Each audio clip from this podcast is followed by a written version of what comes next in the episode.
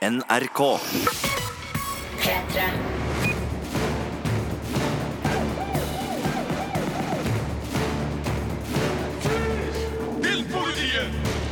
Velkommen til denne podkasten fra Filmpolitiet, i dag med Sigurd Vik og Fredrik Skagetøyen, vet du. Og hvis du syns at uh, du savner en stemme her, så er jo det selvfølgelig Birger Vestmos fagre røst, men den skal du få litt uti podkasten. Altså, han er på filmfestivalen i Cannes, han. Den 71. filmfestivalen i Cannes. Og uh, skal mot slutten da, av podkasten komme med en liten rapport derfra, hvor han blant annet skal si hva han syns om åpningsfilmen Everybody Knows. Men det er vanlig kino- og seriehelg, og vi har sjekka ut premierefilmene, som denne uka består av High School-komedien Blockers, franske, det franske familiedramaet Huset ved sjøen, og så er det jo en fransk film du har sett, eh, Fredrik? Ordets makt eh, handler litt overraskende om ord. Se der. Ja. Og så er det i tillegg sånn at en TV-serie med navn eh, All Night har premiere på HBO Nordic på lørdag. Den har vi også sjekka ut. Og hvis du venter helt til slutt, altså, så får du både kan-rapport, og så skal vi krydre med litt gode nyheter som har gleda oss veldig denne uka. Så god podkast. P3. P3. Filmpolitiet anmelder film. This is a sex pact. They're planning on losing their virginity on prom night. Maybe it's not sex. They're just saying, hey, you're okay with me. You're okay with me. Maybe No, I fucking knew it. our girls are not thinking things through. I'm gonna stop them. I'm in. Blockers er ukas eh, komediepremiere på kino, og det her er en veldig enkel og sjangervanlig sak som tar for seg Prom Night, altså den klassiske sistefesten. Det er jo en del filmer der, Fredrik, som, som finnes allerede. Mine favoritter er Superbad og Dazed and Confused, og hvis jeg legger litt godvilje til, og det gjør jeg fordi at jeg er glad i den, American Pie. Det er noe nostalgi ute og går der. Jeg òg har litt samme forholdet, merker jeg. Ja.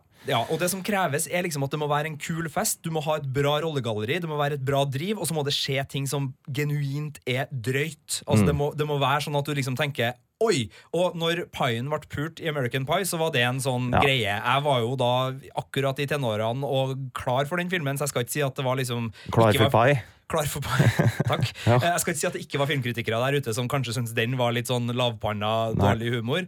Men eh, så kommer da Blockers, som egentlig tar tittelen sin fra fenomenet kukblokkering. Eh, kakkblokking. Det er da en hane, og så er det Blockers som er logoen på filmen. Og handler da om eh, Og det her er kult, for det er snudd på hodet. Det er sexpakten fra American Pie. Det er tre venninner som skal på prom night, og som har en sexpakt om å miste jomfrudommen sin eh, på eh, den her eh, siste festen, da. Og det er litt kult, fordi at eh, mannlig seksuell debut blir ofte, spesielt både i Hollywood, men også ellers i samfunnet, eh, hylla som en erobring. Altså det er noe positivt, det. At en, eh, en ung mann skal miste jomfrudommen sin. Det er liksom sånn Ja. Hey, way to go. Fy, Yeah, du, altså. Du, ass, du, Nå er du en mann, kamerat. Ja. er du det. Mens kvinnelig seksualdebut, eh, både i ulike religioner og i ulike samfunnslag, men, men mer generelt, da. Noe som skaper panikk, og som er knytta skam til, og det er veldig mye sånn. Så det er et fantastisk bra utgangspunkt, syns jeg, å ta tak i den sjangeren. Snu deler av eh, det her litt på, på hodet, og få et, i hvert fall i Hollywood-perspektivet, en, en frisk inngang da på det hele. Ja. Eh, Så der skal de ha kudos. Ja, inngangen er fin, men hva med utgangen, eller resultatet? Eh, Problemet er jo at det her er veldig sånn foreldrevennlig og safe eh, sexkomedie. Ja. Uh, du har Ja, for det er en sexkomedie. Ja, det er jo på en måte det, for det er jo det der uh, hindre uh, Fordi det er foreldre her som er liksom hovedpersonene våre, i tillegg da til, til Prom Night-gjengen. Eh, tre foreldre. En sånn skikkelig sportspappa, som spilles av tidligere wrestler John Sena, som prøver seg på en liten sånn The Rock. Så har du Leslie Mann i hovedrollen som den litt sånn paniske alenemora, som er livredd for at dattera skal gjøre den samme tabben som hun gjorde. Og dermed så kaller jo sin egen datter en tabbe, og så har man jo litt forviklinger rundt det. Og så er det en eh, tredje far som er litt mer sånn slacker-fyren, som bare liksom sånn, som kan alt sammen. Og humoren går liksom på sånn her Foreldre får ikke til å ta video av ungene sine, det blir selfie i stedet for. Foreldre forstår ikke emoji-språket fordi det er så avansert. Så du har liksom veldig Ja. sånn foreldrerett humor i en high school-film. Er ikke det litt rart, da? Det er litt rart, fordi det her er en film som egentlig ikke funker for den unge målgruppa i det hele tatt. Men uh, det som er enda verre, er at alt er så forutsigbart, lite originalt og kjedelig. Fordi når denne filmen skal være drøy, så er den ikke mer drøy enn ba Bad Moms 2. Christmas Edition eller Daddy's Home 2 med Will Ferrell. Altså, du har sett alt det her før. Ja. Det er ingen drøyhet her. Det er ikke noe farlig. Det er ingenting som kommer til å sjokkere deg. Det er ingenting som kommer til å virkelig få deg til å bare tenke det var, det var smarte greier. Det var kreativt. Det er jo dessverre blitt en sånn kjensgjerning i sånne high school-filmer at det, det går i den samme regla som regel. Samme vitsene, samme, de spiller på de samme strengene hele tida. Det blir det, og jeg kan leve ganske godt med det så lenge det liksom er godt selskap. Altså Hvis det er rollefigurer jeg liksom liker, og at jeg, for jeg- det er en av de sjangrene jeg trives best i. Jeg syns liksom romantiske komedier kan bli litt sånn pute-TV, og jeg syns kostymedrama kan bli litt langtekkelig, men akkurat det her er liksom Det er min sjanger. Her, her kan jeg sitte i timevis og, og se ganske middelmådige filmer og likevel kose meg, men jeg trenger noe. Altså Du trenger en stifler. ja, noe. Altså, jeg har jo laga topplistesaken De beste high school-komediene fra 1999. Og det er nok gode high school-komedier til at det ble ei vanskelig liste for meg å lage. Eh, altså, så jeg liker det her veldig godt. Det var forresten uh, Crazy, Detroit Rock City, American Pie. Ti ting jeg hater ved deg, og uh, She's All That, uh, som eh, kommer på den lista. Hvis jeg husker Kom alle dem i 1999? Alle dem kom i 19... Det var jo et storår for high jo school-komedier. det store året det da for high school-komedier. Ja, altså Freddie Prince Jr. hadde liksom ramla ut av et pomadelotteri der. Og det var liksom masse skuespillere som kom fra en del sånn tenåringsserier. Ja, som bare sant. liksom var, Heath Ledger hadde liksom kommet fra Australia og var ja, ja. klar. Og, ja, det var masse bra. Men, men nok om det. Og Roadtrip da året etter, og så kom Mean Girls. Og, ja, Ja, masse. Og sånn det- kan du holde på, du, sånn i timevis. Ja. Fordi det er så mye kult her. Men dessverre, da, Blockers til tross for eh, en sjanger som er i utgangspunktet vanskelig å, å kuke til, for å ta uh, kukblokkerings-jippoen her, så, så, så det, det funker dårlig. Altså, det er helt Nei, det er ikke helt greit heller. Den, den får en svak treer fordi det skal så mye til å ikke gjøre det her til noenlunde underholdning. Men det skal jo også sies samtidig da, at det er forferdelig mange sånne high school-filmer som får til det. Nettopp det, å kuke opp den her formelen. For man har jo sett det før, sant? Det er jo noe med det. Ja, men jeg, jeg er veldig raus der, altså. Okay. Det er mulig du ja. er litt strengere enn meg, og det skal vi jo snart få vite, for du har jo også sett uh, high school. Det er jo ikke tvil om at vi er i russetida nå, for nå kommer uh, den siste festen-tingeren. Ja og du har sett på TV-serien All Night, som vi egentlig bare kan begynne å snakke om, fordi uh, la oss bare si at Blockers er kun for de som virkelig trenger en lettbeint eh, filmsak som de egentlig ikke skal se så veldig nøye på. Ja. Får en svak treer av oss i Filmpolitiet. Jeg kan gå inn på filmpolitiet.no filmpolitiet og lese hele anmeldelsen der. Men la oss ø, høre lyd fra TV-serien All Night. Filmpolitiet anmelder TV-serie. Is all of this really necessary? I mean, This year, no one is sneaking in alcohol. Hi, Melinda. Hi. New yearbooks? Yes, ma'am. Practically overflowing with memories. Phones out. You'll get them back in the morning.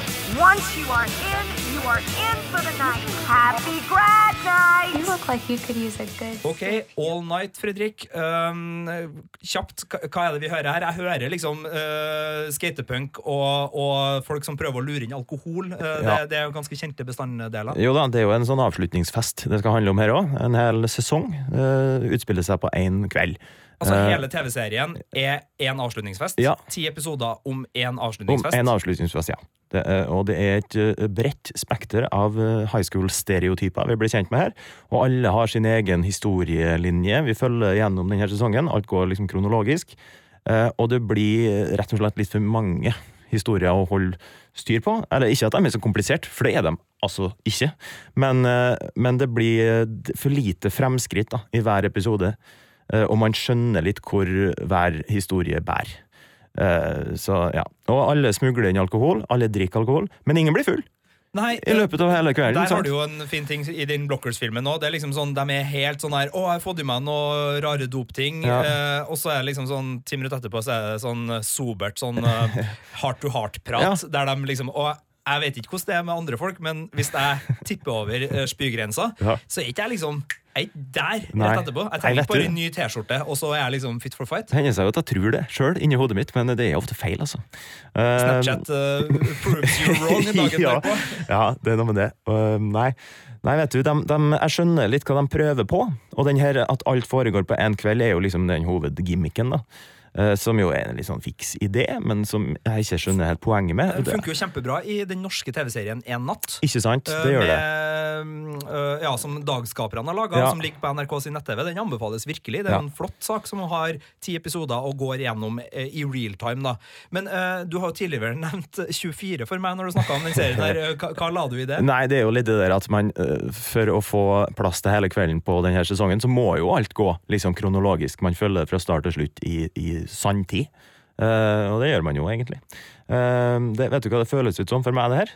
Etter å ha sett alle ti episodene. Det føles ut som én dårlig community-episode som de har dratt ut over en hel sesong. Ja, og Da Ja. snakker vi om TV-serien Community, som har blant annet Donald Glover og Chevy Chase. Ja. uh, av alle i, i eh, Veldig bra serie. Veldig, veldig fin serie. Ja, Ja, eh, Brie Larson er vel med òg. Ja, og, og, men det er litt der de henter inspirasjonen sin fra. Det de prøver på. Snappy dialog prøver de seg på. uh, men det, det går bare ikke. Det, det lander aldri.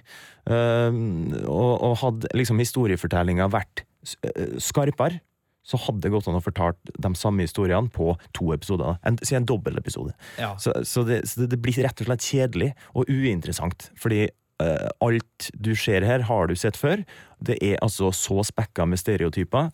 Uh, politisk uh, Tam politisk korrekthet, men samtidig liksom objektifisering av 18 år gamle kvinnekropper.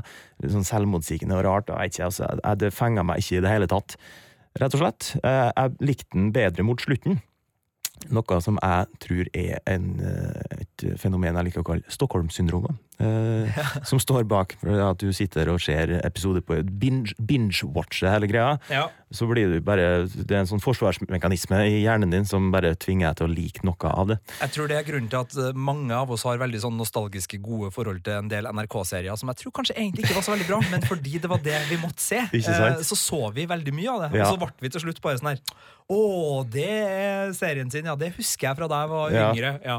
Men, eh, det, men det, er ikke, det, er ikke, det er ikke spekk Eller det er ikke helt eh, fritt for sjarm, men uh, jeg flirte nok ikke høyt mer enn to ganger. Men jeg, jeg trenger bare litt grann, eh, sånn for å, å avgjøre om jeg skal sjekke ut det her eller ikke. Og da er det, liksom, Hva er det egentlig det handler om? Sånn, altså, er det noen historier historie her? Altså, er det en kjærlighetshistorie? Et akademisk uh, vågestykke? Altså, er det noe sånn som gjør at det blir interessant? Eller er det bare vi skal på fest, vi er ferdig på skolen? Woohoo! Ja, det er om å gjøre liksom å sementere sin plass, sin status på high school, eh, for nå er siste sjansen kommet, sant. Så eh, nerdegjengen skal bli kul, sant. De kule gutta, de skal bare fortsette å være kule, da. Og Ok. alle leter etter drømmedama, sant, for det er siste sjanse, og bla, bla, bla. Man har hørt absolutt alt før, eh, så det er ikke noe must, rett og slett, å sjekke det ut, Nei. spør du meg, da. Det er jo Hulu som lager det her, selv om det går på HBO Nordic. De har jo laga en del kvalitet i det siste. De er ganske gode. De lager Handmaid's Tale. De har også laga The Looming Tower, som uh, er en spionserie som har gått på Amazon her nå.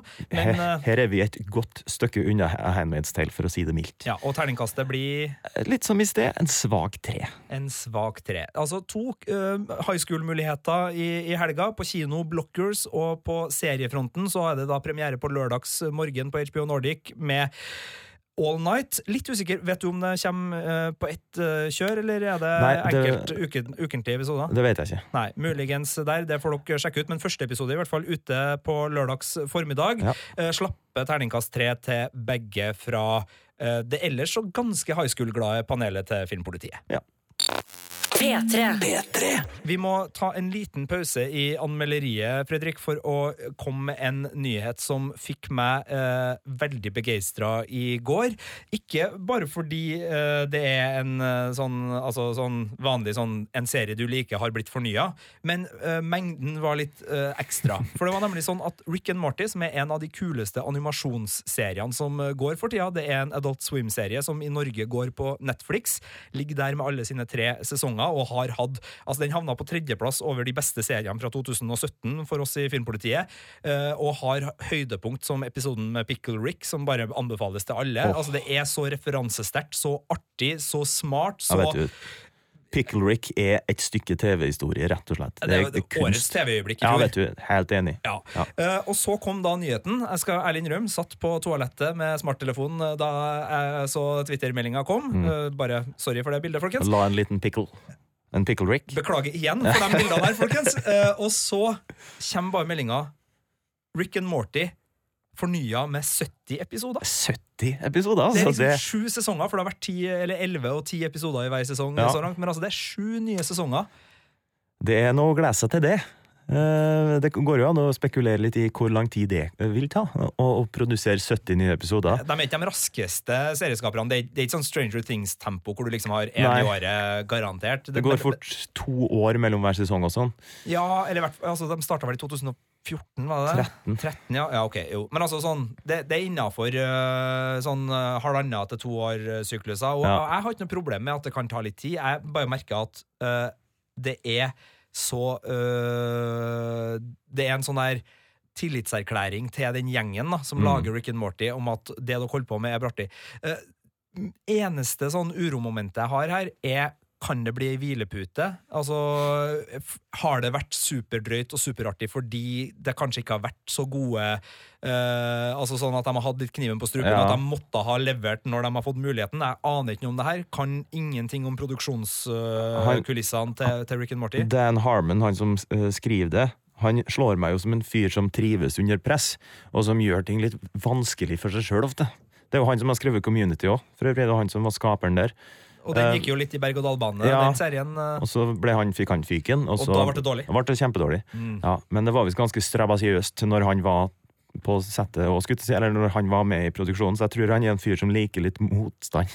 Ja. ja, Så det kan jo tenkes, det. Det er jo Men- en serie som innbyr til motstand, i hvert fall. Det er jo, vi snakka om high school-komedier som bare lener seg på andres verk og, og surfer gjennom en sånn der Å, å, det var artig! Det husker jeg fra de andre filmene. jeg har sett. Rick and Morty er vel det motsatte. Det Masse referanser, si. Ja. Men ikke noe lettvinte løsninger eller noe uh, sånn uh, Vi må ha med oss alle sammen. Vi kan ikke kreve for mye av seeren. Det Mm. tror ikke jeg er ord som sies veldig ofte på, på det settet. Nei, det kan jeg altså ikke gjøre.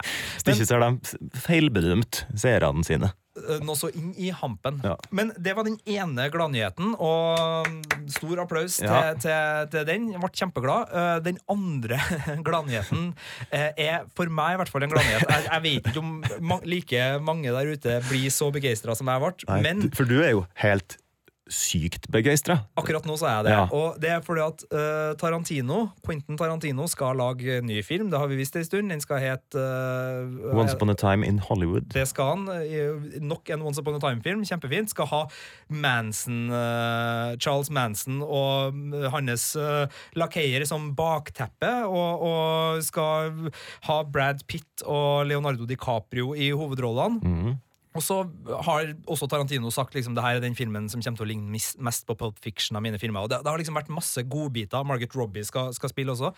Eh, men det var først nå i denne uka her som uh, nyheten kom om at Burt Reynolds Burt eh, Barton Reynolds. skal uh, sannsynligvis være med i filmen og spille ranch-eier. At jeg ble veldig begeistra. De to har på et eller annet merkelig vis ikke samarbeida før. Det er litt rart, nesten. Burt. Reynolds er en veldig Tarantino-aktig skuespiller, føler jeg. Han er jo det, og ja. andre skuespillere som Michael Madsen og Kurt Russell er vel også Ja, og, Ti- og Tim Roth, Og Tim, det er jo som liksom jo også hører som med i enhver Ja, ja. Tarantino-film. Ja. De er jo tapeten eh, i en Tarantino-film.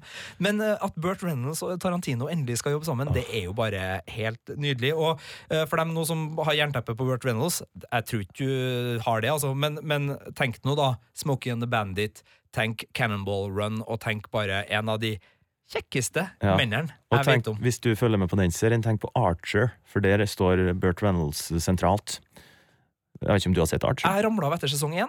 Ja, du gjør det, ja. Ja. ja. vel. Ja, vel. Jeg- jeg- fra sesong to og ut så snakker jeg masse om Burt Reynolds, den anbefaler Jeg skal se Han er til og med med. Jeg skal se Archer. Ja, det her er jo altså, gaven som fortsetter å gi. Ja. Eh, Burt Reynolds og denne uka med Burt Reynolds-nyheter. Oh, herlig, Eh, altså. Skal vi bare minne folk om at Burt Reynolds er en skuespiller som har takka nei til både James Bond og Han Solo-rolla. Det er det veldig få som kan skryte på seg. Ja, eh, altså eh, Han eh, eh, i, I likhet med, med eh, Harrison Ford, så er han jo en veldig kjekk mann, så han ble eh, spurt om han ville spille Han Solo. Eh, det var det året han drev med Smokey and the Bandit. Og en artig fun fact som jeg har sagt før her i Filmpolitiet, er jo at den eneste filmen som liksom kunne ta opp konkurransen ordentlig med Star Wars i 1977 på det amerikanske kinomarkedet, var jo Smokey and the Bandit. Så eh, han, litt på han kunne ha vært en del av det store Star Wars-galleriet, men faen ta, Burt Reynolds tok opp kampen alene Ja, mot Star Wars, og det var bare så vidt han ikke vant. Eller, det var en del penger der imellom, men, men la nå den historien få lov til å leve. Ja. Burt Reynolds tok nesten og knocka ut Star Wars. Og snakk, om trilogier, altså. Smokey and the Bandit. Og snakk om, trilogi, det snakk om mann. Snakk om Snakk mann. om en steier og en bauta. Åh. 83 år igjen! Tenk Ja. på den, du. Skal vi slenge inn bare sånn, en sånn siste liten gladnyhet på tampen, eller sørgelig nyhet, alt ettersom, at Sylvester Stallone visstnok eh, skal være med på enda en Rambo-film. Og Denne gangen så skal han bo i Arizona på en ranch og hjelpe noen som har uh, gått seg vill i Mexico. Jo, det kan vi nevne. Eh, Det kan vi nevne. Ja. Eh, Så får vi se om det blir noe av, men ryktene skal i hvert fall ha det til at Sylvester Stallone ikke har tenkt å pensjonere eh, John Rambo eh, likevel. Eh, Eh, vi, et- vi, vi ser an den Et litt. knapt år etter at han rykka ut og sa Nei, vet du, Rambo er vi ferdig med, så kommer han med nyheten Rambo er vi ikke ferdig med. Ja, Stilige greier. Oh, you sly devil, ikke sant? Ja, ja, ja, ja, ja. Det har handla mye om eh, high school, både i film og i serie, i denne podkasten fra Filmpolitiet. Nå skal vi over til et rent Frankrike-maraton, egentlig. Det er eh, Av de tre premierefilmene eh, på kino i helga, så er to fransk. Det er Huset ved sjøen og Ordets makt, og i tillegg så er det sånn at Birger Vestmo er i Frankrike akkurat nå, på Cannes-festivalen. Så vi skal ta det sånn nå at vi tar anmeldelsen av Huset ved sjøen, så anmeldelsen av Ordets makt, og så skal vi høre med Birger Vestmo få en liten rapport fra Cannes-festivalen på tampen av denne podkasten. Men la oss starte ved den franske solkysten. Filmpolitiet anmelder film. Ma petite sœur, ma toute petite sœur. Je te présente Bérangère, ma trop jeune fiancée. Enchantée. Il est en haut dans sa chambre. On ne sait pas s'il nous reconnaît, mais si tu veux aller le voir. Il y a un espoir de guérison? Non. Huset ved sjøen er en eh, ganske fornøyelig film som har en del eh, beskrivelser som gjør at jeg blir litt sånn å nei, det her høres litt kjedelig ut. For det er et fransk familiedrama satt i idylliske omgivelser, hvor tre voksne søsken kommer hjem uh, og samles uh, for å ta imot farsarven. Og jeg vet ikke om du har hørt noe sånt før? Jeg, Det hørtes ut som, er det lov til å si, de fleste franske familiedrama.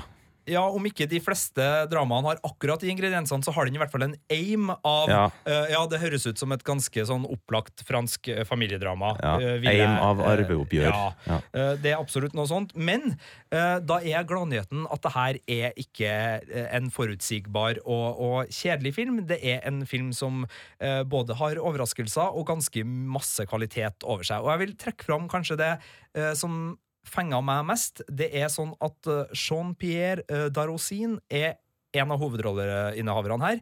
Han er også en av hovedrolleinnehaverne i den franske spionserien Le Byrå, som eh, ligger med tre sesonger ute på NRK sin nett-TV, og som er noe av det beste spionserieunderholdninga jeg har sett noen gang. Ganske virkelighetsnær, eller i hvert fall troverdig, og, og full av intriger, spenning øh, og miljøskildringer som virkelig fester seg. En, en tipp topp serie. Han spiller da Henry Duflot, øh, etterretningssjefen i den serien, og øh, er en, et ansikt som har blitt veldig sånn her Å, han liker jeg. Og, og det merker jeg umiddelbart når han da som et av de tre søsknene i Huset ved sjøen kommer uh, foran kamera, så er det litt sånn Ok, det her ble plutselig litt mer eh, interessant. Og han spiller en litt sånn her eh, flamboyant fyr. Han har liksom drøye, sløye velurdresser og har en ung elskerinne og er liksom litt sånn der radikal professortype som eh, kommer med litt sånn En litt eh, sånn sløyt- sorte fåre i familien, ja, kanskje? eller? litt sånn sorte fåre, men det er en familie der uh, ung elsker er mer vanlig enn uvanlig. Men, okay. men uansett, han er litt sånn der, han er glad i å krangle, veldig flink med, med retorikken og, og en litt sånn artig type. Og så har han ei søster som er kjendis, teaterskuespillerinne, og så har han en bror som har liksom bodd hjemme og holdt familiebedriften ved like. Og det er denne familiebedriften som er spenninga her, fordi far har fått slag og ligger for døden, grønnsak, og han har drevet det her franske lille kystbyen som en litt sånn her småkommunistisk commune, hvor eh, det er idyllisk, men han har sørga for lave boligpriser for dem som leier der, en restaurant som har flott mat, men som ikke koster skjorta, og liksom sørga for at alle som bor der, har det kult, og det er liksom tufta på litt sånn 60-70-tallsidealer om hvordan samfunnet bør være. Mm. Så ligger det da eh, noen mil unna Marseille, det er en veldig populær plass, og det er liksom press fra turistindustrien her om å liksom få kjøpt opp stedet. Og når det da havner på arvebordet, og tre søsken som ikke er helt forlikt, må begynne å diskutere, så blir det liksom både øh, viktig å se på hva, uh, hvordan farsarven er på ulike måter, altså hvilke idealer er de har fått med seg videre i livet, hvordan har det her påvirka dem, men det har jo også en nerve. Hva betyr det for lokalbefolkninga? Kan vi nå se at de selger ut, og dermed så rakner hele den her idylliske plassen, hvor du har liksom sånn fiskere som kommer seilende inn til, med, mens de siterer teaterstykker og renser fisken, og det er liksom det, det, Du har alt da av, Ja. av fransk eh, kystidyll. Så, så den funker ganske bra der, har de spenningstrådene, og i tillegg så er det på et bakteppe av flyktningkrisa over Middelhavet, hvor eh, desperate mennesker er på flukt. Militæret Militære som driver og leter etter eh, folk som har kommet i land, er liksom noe vi ser i, i bakgrunnen eh, flere ganger. Eh, Men slutten blir litt sånn lassa full av diverse handlingstråder. Mister litt sånn feelingen på tampen der. Men, men en veldig god film, og, og absolutt en, en film jeg er glad jeg har sett. Sjøl om den underholdningsmessig liksom ikke roper sånn 'kom og se meg' på starten av kinohelga i konkurranse med liksom Avengers Infinity War og, og andre sånne blockbustere. Altså, hvis man liker det litt sånn eh, nedpå og har lyst til å ta inn over seg eh, ja, bare liksom mennesker. Altså Hvis man bare er litt nysgjerrig på, på andre mennesker, så har den her en del eh, fine ting, og et par eh, vittigheter som, som virkelig traff meg. Det Er riktig å si at det er en litt langsom, eh, dialogdrevet film? Ja, det er vel ikke feil å si det. Uh, Sjøl om den Ikke at det trenger å være noe artig i det, altså, men- uh, men den er ikke blant de eh, mest langsomme og, og mest dialogdrevne. Den har, eh, har litt uh, ytre handling som, okay. som slår seg opp, da. Men en uh, solid firer til, til Huset ved sjøen. Eh, ikke en film du for all del bare må, må, må, må, må se, men et eh, trygt og godt valg for eh, dem som er glad i den type film. De som er glad i arveoppgjør der, altså. Filmpolitiet anmelder film. Mademoiselle, s'il vous plaît, vous êtes en retard. Mais ça va, je suis arrivée avec 5 minutes de retard. Pourquoi vous vous acharnez sur moi comme ça là? Ah, voilà le complexe de persécution qui pointe. Typique. Typique? Typique de quoi exactement? C'est du racisme, vous avez pas le droit Fra arv til uh, miljø, muligens. Jeg, jeg vet ikke her, eh, Nå gjetter jeg, Fredrik, for det er ikke jeg som har sett neste film. Men vi skal holde oss i- dit, faktisk, ja. Vi skal holde oss i Frankrike. Uh, Ordets makt er den andre franske premierefilmen uh, denne helga. Hva er det vi, vi får her? Nei, det, kan jo, det handler jo om ord, da. Det skjønner jo kanskje tittelen. Jeg må innrømme at jeg hadde visse fordommer når jeg leste tittelen. Tenkte at jøss, den her blir tung å svelge. Men der tok jeg faktisk feil. Fordi ehm, måten historia er bygd opp på, er veldig eh, amerikansk, på en måte. Det er altså, eller det er i hvert fall en formel vi kjenner veldig godt igjen. For her møter vi da ei ung eh, arabisk jente fra slummen utafor Paris, som har fått innpass på et eh, sånn prestisjetungt universitet. Skal jeg være skikkelig ekkel og si det høres ikke ut som den typiske amerikanske filmen enda. Ikke ennå, nei, nei, nei. Men, nei, men ikke avbryt meg nå. Uh, møter opp på første forelesning eh, i retorikk, og uh, blir utskjelt av den berømte foreleseren som er da til stede der. Uh, det her blir da filma, utskjellinga. Den tar en brå rasistisk vending. Den her, uh, han demonstrerer liksom ordets makt, han da, vet du, sant? for Ja. å lære andre studenter. og sånn. Men vi lever jo i 2018, vet du, så alle har jo smarttelefon. Så det her blir jo en viral hit. Så universitetet bestemmer seg da for å, for å liksom berge ansikt, så, så skal han her, Pierre Massar, heter han der eh, foreleseren, da. Han skal ta hun der jenta, Neila, under sin vinge og trene henne opp, sånn at hun kan være med i en prestisjetung retorikkonkurranse. Ah, så det blir konkurransefilm. Det blir konkurransefilm, og det blir eksentrisk eh, rasshøl lærer og eh, gatesmart elev Ok, Ja. Så uh, jeg har sett eksempel Whiplash, som handla om en uh, sadistisk jazzlærer Ja. som trente opp en uh, sympatisk ung trommeslager. Jeg har sett? Karate Kid. for øvrig, Kobra Kai har fått godkjenning på sesong to. Anbefaler alle å sjekke ut Kobra Kai-serien på YouTube. Det er en direkte oppfølger. Karate Kid ja, handla om en eksentrisk gammel mann fra Japan som trente opp en gatesmart kid fra Eller gatesmart var han kanskje ikke, men en kid fra gata. Mm. Er det liksom den tradisjonelle amerikanske eh, idrettskomedien som er ramma her for, eh, for filmen videre? Litt, faktisk. Jeg, jeg tenker på Karate Kid, faktisk. Det er ikke like mye karate, da. Eh, Nei, hel, heldigvis. Ja, verba, verbale spark og, Ja! og hverdagsrasisme. Men, men eh, Karate Kid, Good Will Hunting er det fort gjort å tenke på. Uh, Dead Poet Society. Uh, ja, det er i hvert fall kjente formler uh, som hele filmen er bygd opp på. Men alt måten historien er fortalt på, og liksom alt som ligger oppå de formlene, er såpass fornøyelig, faktisk, at den aldri blir kjedelig. Jeg skjønner jo med en gang hvordan filmen slutter, for eksempel. Og, jeg- og jeg skjønner Ikke si at, det nå. Nei, jeg skal ikke si det, men, men og så skjønner jeg at he, i den filmen her, så er det en sånn treningsmontasje et eller annet Det sted. er det? Det er det, vet du. Sånn Rocky. Rocky 4 Ja, ikke like svulstig, kanskje, men, men det er en montasje involvert her. Rocky 3, tenker på. Den med Ivan Drago. Eh, Ja, det er vel fire, ikke det? Fire, ja. Nei, nå, nå er vi Nå på kommer Birger til å ja, nå er vi på tynn is. Men ja, la oss Eh, for guds skyld slutte å snakke om Rocky. Um, men vet du, skuespillet, og da spesielt uh, um, hovedrollene, fantastisk. Og det er så god kjemi mellom dem. Og han uh, som spiller Pierre Massard Jeg har glemt hva han heter, vet du. Jeg er jo ikke fransk. Um, Ordets makt. Kom igjen, Fredrik. Kom ja, igjen. ja, ja, ja, ja. Jo. Ja, og så er det umulig å uttale. Daniel uh, Autoil. Som jo er feil måte å uttale det på. Er du sikker? Er det i tvil på at Eh, det Det er sånn det skrives. Men han eh, mestrer kunsten i å spille eh, rasshøl. Godt gammeldags rasshøl. Kynisk jævel. Som man likevel bare tvinger seg sjøl til å tenke at han der har et hjerte av gull. Eh, og kjemien mellom han og Kamelia Jordana, som hun heter, hun som spiller slumaraberen, hvis det er lov å si, eh, er til å ta og føle på. Eh, og det, eh, sammen med dem så er det jo et fint eh, rollegalleri rundt, som spriter opp.